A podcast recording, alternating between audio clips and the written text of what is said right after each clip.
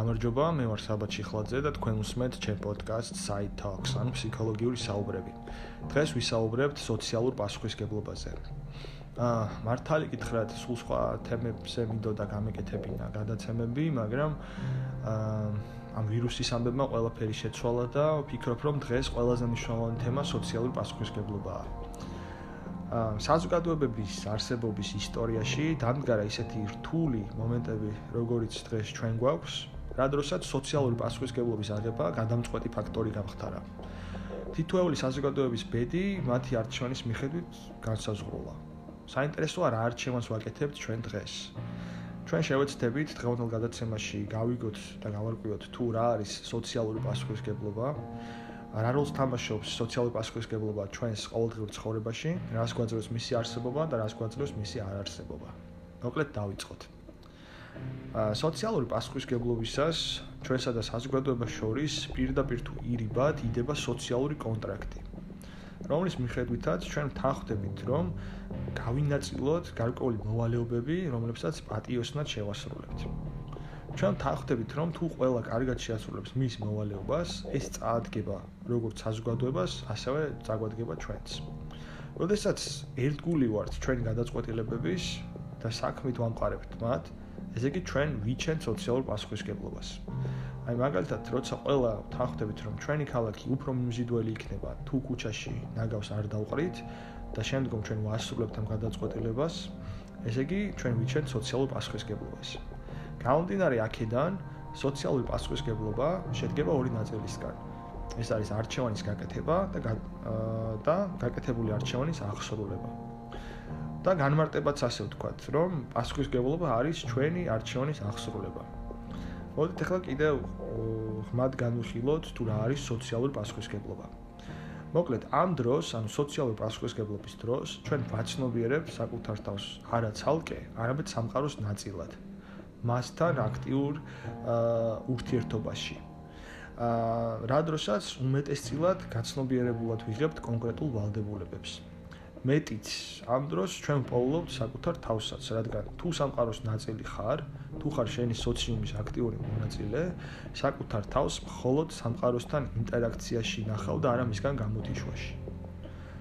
აუცილებლად ისიც თქვათ, რომ ჩვენი ქმედებები აისახება ჩვენ საზოგადოებაში მცხოვრებ სხვა ადამიანებსაც. ამიტომ ჩანსაღად მოაზროვნე საზოგადოებები ცდილობენ ისე დაარეგულირონ თავიანთი წევრების ქმედებები, რომ თითოეული პიროვნების მოქმედების თავისუფლება განავითარო საზოგადოება და არავნოს მას. საზოგადოებებს, რომლებსაც კარგად ესმით ეს, ხვდებიან, რომ სოციალური პასუხისგებლობა ნიშნავს იყო შენი საზოგადოების ნაწილი. ანდაც შეიძლება არ იყოს საზოგადოების ნაწილი, მაგრამ დადო მასთან კონკრეტული სოციალური კონტრაქტი, თუნდაც რაღაც დროით. აა რა დროსაც შენ ატივისცემ ამ საზოგადოებაში არსებულ ღირებულებებს და წესებს. მაგალითად, როდესაც არამუსლიმი ტურისტი შედის მეჩეთში და ფეხზე იხდის, სანამ შიგნით შევა, ამით ეს ადამიანი აფიქსირებს მის პატივისცემას იმ საზოგადოებისადმი, რომლის ნაწილიც არ არის. ერთი მაგალითი მინდა მოგიყვანოთ, სადაც ძალიან კარგად ჩანს თუ როგორ სერიოზულად აღიქვამენ საზოგადოებების სოციალურ კონტრაქტს. მოკლედ 2 დას უნდა გამختارიყო შვეიცარიის მოქალაქე. რაზეც უარი მიიღეს და ეს უარი მდგომარეობდა იმაში ამ მიზეზი, რომ თურმე ეს დები არ ესალმებოდნენ თავიანთ მეზობლებს. აი ძალიან მარტივი გზავნილია, ხო? თუ გინდა იყოს ჩვენი საზოგადოების ნაწილი, დაიცავი ჩვენი თამაშის წესები. გამდინარე აქედან, სოციალური პასუხისგებლობა ნიშნავს საზოგადოებასთან მუდმივ ინტერაქციას და ანგარიშვალდებულებას. როდესაც აცნობიერებ, რომ მარტო შენ არ ხარ და ხარ საზოგადოების როგორც ერთი დიდი მთლიანობის ნაწილი, სადაც ადამიანების ყოფა და კეთილდღეობა ერთმანეთის ქცევაზე და საზოგადოებაში არსებული წესებისა და ღირებულებების დაცვაზეა დამოკიდებული. მაგრამ რეალობა გვიჩვენებს, რომ პასუხისგებლობის აღსრულება ისეთივე მარტივი საქმე არ არის, როგორც პასუხისგებლობის აღება. და აი ასე გაჩნდა უპასუხისგებლობაც. საუკუნეების მანძილზე საზოგადოება შეიმუშავეს დამცავი მექანიზმები, რომლის მეშვეობითაც თავიანთ მიქარულზე პასუხისგებლობას იხსნიდნენ და მას ხან ღმერთს გადააბარებდნენ მაგალითად და ხან ბოროტ ძალებს. ჩვენ გვჭირდება ვინმე ან რამე, რაზეც პროექცირებთ ჩვენს უპასუხისგებლობას, ანდაც პასუხისგებლობის ჩავარდნას. აი უფრო ყოველდღიურად რომ თქვა, ჩვენ გვჭირდება ვინმე ან რამე, ვისაც ან რასაც შევტენით ჩვენს პასუხისგებლობას, ან პასუხისგებლობის ჩავარდნას. თან აი ბევრი მაგალითები გვაქვს ამისი. მაგალითად თავრობა ოპოზიციას აბრალებს საკუთარ შეცდომებს. ოპოზიცია პირიქით. ფეხბურთელები საჩაბრალებენ წაგებას. იმ დროს, როდესაც არ დახარჯულან თამაშის დროს თვითონ ვიღაც მუსიკოსი თავის ვერ დაკვრას, აბრალებს ხმის რეჟისორს, ხმა ვერ დააყენაო. ვიღაც მენეჯერი საკუთარი დეპარტამენტის ჩავარდნას აბრალებს იმას, რომ თურმე სუსტი თანამშრომლები ყავს, არა და თავად დაუშვა ძალიან ძიმე შეცდომები. მოკლედ, ყველგან მიხედებით გარდა საკუთარი თავისა. და რატო ხდება ეს? ეს ხდება იმიტომ, რომ რთულია თავად აგო პასუხი საკუთარ ქმედებებზე. ბევრად ადვილია საკუთარი ქმედებების შედეგები და ეს შედეგები აა როგორც წესი წარუმატებლობას უკავშირდება ამ კონტექსტში. გამართლო რაღაც მიზეზებით ან კიდევ ბევრად ადვილია, როდესაც გვერდით ყავს ისეთი ადამიანი, ვისითაც ყოველთვის მოახერხებს საკუთარი საკუთარი წარუმატებლობის გამართლებას. ერთი სიტყვით, ჩვენთვის ზედმეტი ტვირთი იქნებოდა იმდენ რამეზე გვეგო პასუხი, რამდენზეც ვიღებთ პასუხისგებლობას. ამიტომ ჩვენ როგორც ზევით თქვით, მუდამ ვეძებთ მათ, ვინც ამ ყველაფერს ჩვენს ნაცვლად გააკეთებს. და ხალხს გაუხარდა, რომ ისინი კვლავ წაასხეს როგორც ჯოგი. და რომ მათ გულს მოეხსნა ასეთი საშინელი ცხვენი, რამაც მათ ამდენი ტანჯვა მოუტანა. ეს არის ნაცხვეთი ძმები კარამაზოვებიდან. დიდი ინკვიზიტორის უფრო მონოლოგი ვიდრე დიალოგი მეორედ მოსულ ქრისტესთან. რა დროსაც დიდი ინკვიზიტორი ცდილობს დაუმტკიცოს ქრისტეს, რომ ადამიანისთვის თავისუფლება არის ზედმეტი ტვირთი, რომელსაც იგი გაურბის და რომლის გადაბარებასაც იგი ცდილობს იმ ადამიანებისთვის და სტრუქტურებისთვის, რომლებიც აიღებენ ვალდებულებას გაათავისუფლონ ადამიანები თავისუფლებისგან. რთული ატარო თავისუფლების პასუხისგებლობა. ამაზე წერს ასევე ძალიან მაგარი ადამიანი ერიკ პრომი, ერიკ პრომი თავის ძალიან მაგარ წიგნში გაქცევა თავისუფლებისგან. და რადგანაც თავისუფლება შემოვიდა ჩვენს გადაცემაში, ვთქვათ, რა შუაშია თავისუფლება ამ ყველაფერთან. საქმე იმაში არის, რომ თავისუფლებაზე უარი გათავისუფლებს ყოველგვარი პასუხისგებლობებისგან. ეს თავის ხრივ კიდევ გათავისუფლებს უამრავი თავისტკივილისგან. ძალიან მარტივად არის საქმე. აი ფილმი რომ არის უჩინარი ადამიანი, თელი ხიბლი ხომ ის არის, რომ თავი დააღწიო საზოგადოებაში არსებულ ნორმებს, გათავისუფლდე ყოველგვარი პასუხისგებლობებისგან და გააკეთო ის, რაც გინდა.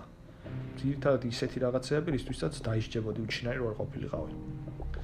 არაფერი არასოდეს ისეთი აუტანელი არ ყოფილა ადამიანისთვის და ადამიანების საზოგადოებებისთვის, როგორც თავისუფლება. ესეც დიდი ინკვიზიტორის მონოლოგიდან. თავისუფლებას, აი როგორც წესი, ძალიან ბევრი პასუხისგებლობა მოყვება. ну ჩვენ ისეთი ტიპები ვართ, რომ ამას გვირჩევნია ცხოვრების დაპროგრამება, საკუთარი ცხოვრების დაპროგრამება სხვაებს გადავაბაროთ. ნაკლები საზრუნავი გექნება თუ ნებას მისცემ სხვას იფიქროს შენ ნაცვლად. თუ ნებას მიცემ სხვას გადაწყვეტილებები მიიღოს შენ ნაცვლად. თან ამაში ტვინიც გიწყობს ხელს, ხომ იცით რა ტიპიც არის ტვინიც? თილობს ნაკლებად დაიხარჯოს და ისეთ ახლებს მოახტეს, რომ რომელიც შვიდად ატარებს თელი ცხოვრება.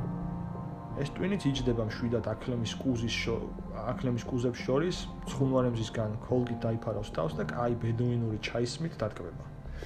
თუმცა აი სად წაიყვანს ეს აკლემი ამ ტვინს, ეს საკითხავია. აი ასეთი მოცემულობით ბევრი ინსტიტუცია სარგებლობს და როგორც დოსტოევსკისთან არის, არიან კონკრეტული ინსტიტუციები, რომლებიც გვათავისუფლებენ თავისუფლებისგან, შესაბამისად პასუხისგებლობისგან.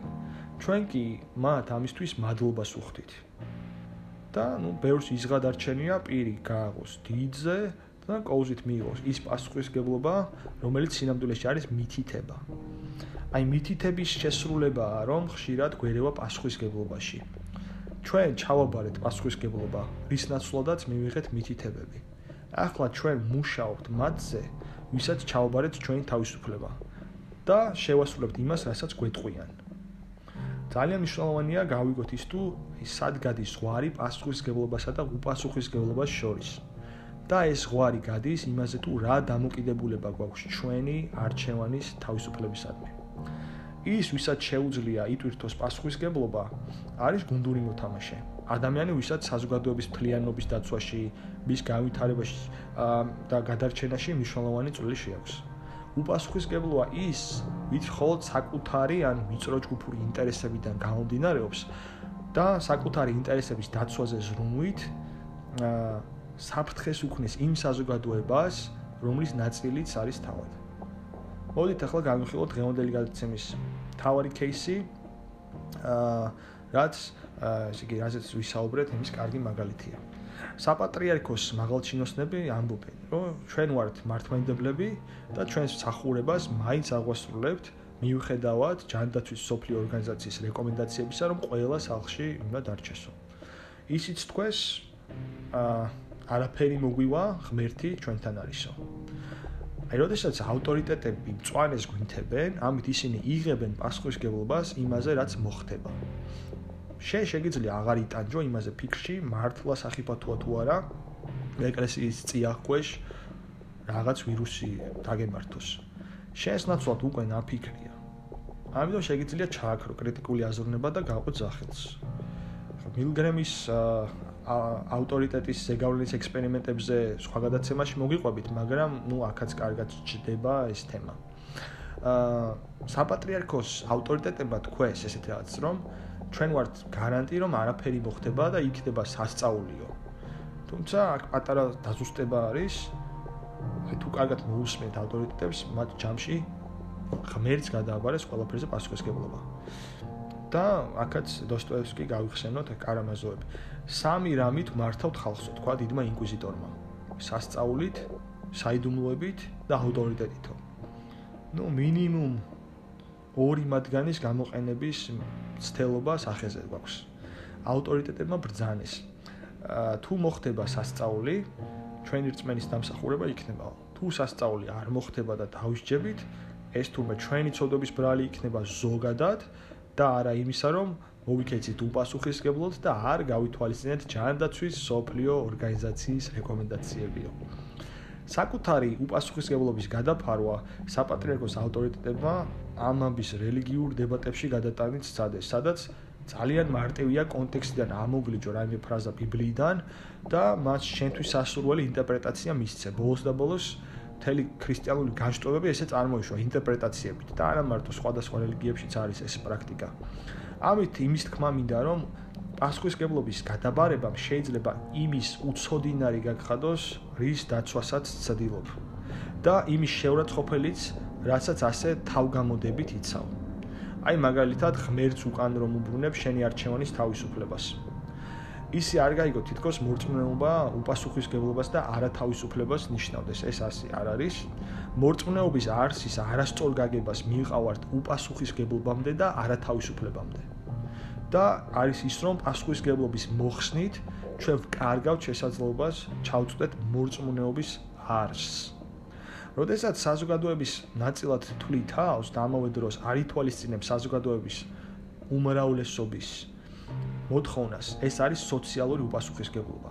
იმიტომ რომ ჩვენ შევთანხმდით, რომ ვიქნებოდით ერთი საზოგადოება და ვითამაშებდით ერთ თამაშს.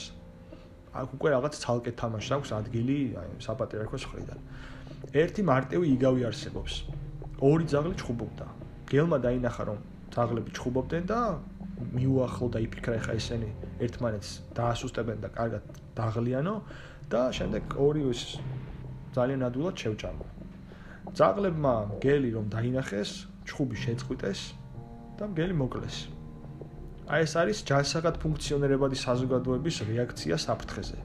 ჩვენ შეიძლება ბევრი უთანხმოება გქონდეს ერთმანეთში, მაგრამ როდესაც საერთო საფრთხესთან გვაქვს საქმე, ჩვენ ვერთიანდებით და ერთად ვუტევთ მტერს, ან ერთად ვიცავთ თავს მისგან. ეს ადამიანებს და საზოგადოებებს ხოლმე მაშინ გამოსდით, როდესაც მათ აქვთ უნარი აიღონ პასუხისგებლობა, სოციალური პასუხისგებლობა. პასუხისგებლობა თავიანთ არჩევანზე, რომელიც ამბობს, რომ მიუხედავად განსხვავებისა, ჩვენ ვართ საზოგადოება. უპასუხისგებლობა კიდევ არის ის რომ უარი თქვა იყო საზოგადოების ნაწილი. აიღო პასუხისგებლობა და მოიქცე უპასუხისგებლოდ. ნიშნავს იყო დესტრუქციული ქცევის მატარებელი იმ საზოგადოებისთვის, რომლის ნაწილადაც განიხილავ თავს. ხომ გახსოვთ ამის გამო რა დამართა მის შულს ხევის ბერმაგოჩამ?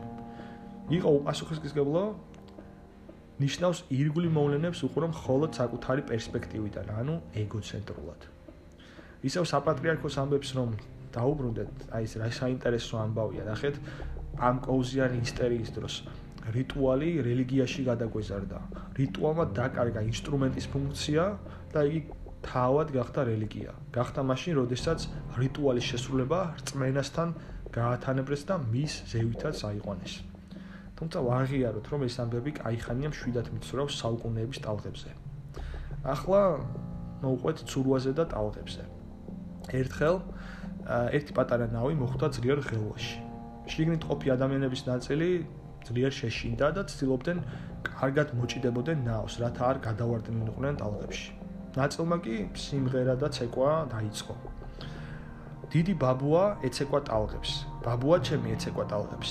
მამა ჩემიც კი ეცეკვა ტალღებს. მათ სწამდათ ღრმად, რომ ტალღა ვერ გავნებს. ვინ გავარ მე, რომ არ ვიცეკვო, რომ არ დავცინო ბობოქარ ტალღებს. ადამიანების ნაწილი, ვისაც ძალიან ეშინოდათ, ცდილობდნენ მომღერლების და მოცეკვავების დარწმუნებას, რომ შეეწყვიტათ ცეკვა თამაში, რადგან პატარა ნავი ძალიან ირწეოდა და შეიძლებოდა ადვილად ამოტრიალებულიყო. და ეუნებოდნენ, რომ აი რას ჩადითო? არ ჩვენ ვიცით აღელობულ ზღვაში ცურა და არც თქვენო. შეჭერით, თორემ ყველანი გადავიღუპებით. მომღერლებმა ყური არათხოვეს მათ და უფრო მეტი მეტი შემართებით გააგრძელეს სიმღერა. რა უნდა შემემთხვას ცუდი ამ ზღვაში თუ წინაპართ სულთალ ხინი მაქვს თავში ჩაგძახიან? ნუ გეშინიათ გჯეროდეთ ჩვენი. ასე ვხედრიდით საუკუნეებს ვითამ ხედარნი ამაყნი ხნენი. უცებ ძლიერმა ტალღამ დაარტყა პატარა ნავს ყველანი წყალში გადაცვიდნენ და დაიხრჩნენ აი ისიც კი არასწორია რომ არსებულ გამოცდილებაზე გადაიტანო პასუხისგებლობა როგორც ჩანს შავი გედის ეფექტზე არის მენიათ არც საპატრიარქოს მაღალჩინოსნებს და არც იმ საწოდავებს ნავი რომ ამოაყირავეს. თუ შენი წინაპრები ცეკვავდნენ ტალღებზე საუკუნეების მანძილზე, ეს არ ნიშნავს იმას, რომ შენ შეძლებ ამას, მხოლოდ იმიტომ, რომ შენ წინაპრებს არ ქონიათ ჩავარდნა. რაც ძალიან არარეალურია, რადგან გვიყვარს ჩვენ ჩვენთვის სასარგებლო ამბების წინ გამოჭენება. ყველაფერი არასასურველი როგორც ხშირად ხდება ისტორიის ფსკერზე განისვენებს ამ დროს. ჩვენი საზოგადოება ამ ნავს გავს, რომელიც აღელობულ ზღვაში არის. და ამ დროს იმ იმისათვის რომ გადავრჩეთ, ყველამ ერთად კოორდინებულად უნდა ვიმოქმედოთ. ჩვენ უნდა გქონდეს ერთმანეთის იმედი, არა მხოლოდ დღეს, არამედ მომავალშიც. ეხლა საპატრიარქოს кейსი იმიტომ მოვიყვანე, რომ ეს არის ქვეყანაში არსებული ყველაზე თუ არა ეს ერთ-ერთი ყველაზე ძლიერი ინსტიტუცია, რომელსაც შეუძლია ადამიანთა ძალიან დიდ რაოდენობაზე გავლენას მოხდენა. თუმცა, რაზეც ვისაუბრეთ, ეს ყველაფერი იმ ადამიანებსაც, იმ კონკრეტულ ადამიანებსაც ეხება, რომელმაც სახალხო სეირნობები მოაწყეს სხვადასხვა პარკებში და რომელმაც დაარღვეს каранტინის პირობები. აა ერთი მინდა რომ აქ ერთ მოქმედების სტრატეგია განვიხილოთ, რომელიც ჩვენ თემას უკავშირდება. და მოქმედების სტრატეგიას ქვია Wei-ის ფილოსოფია. ეს ნიშნავს უმოქმედობით მოქმედებას.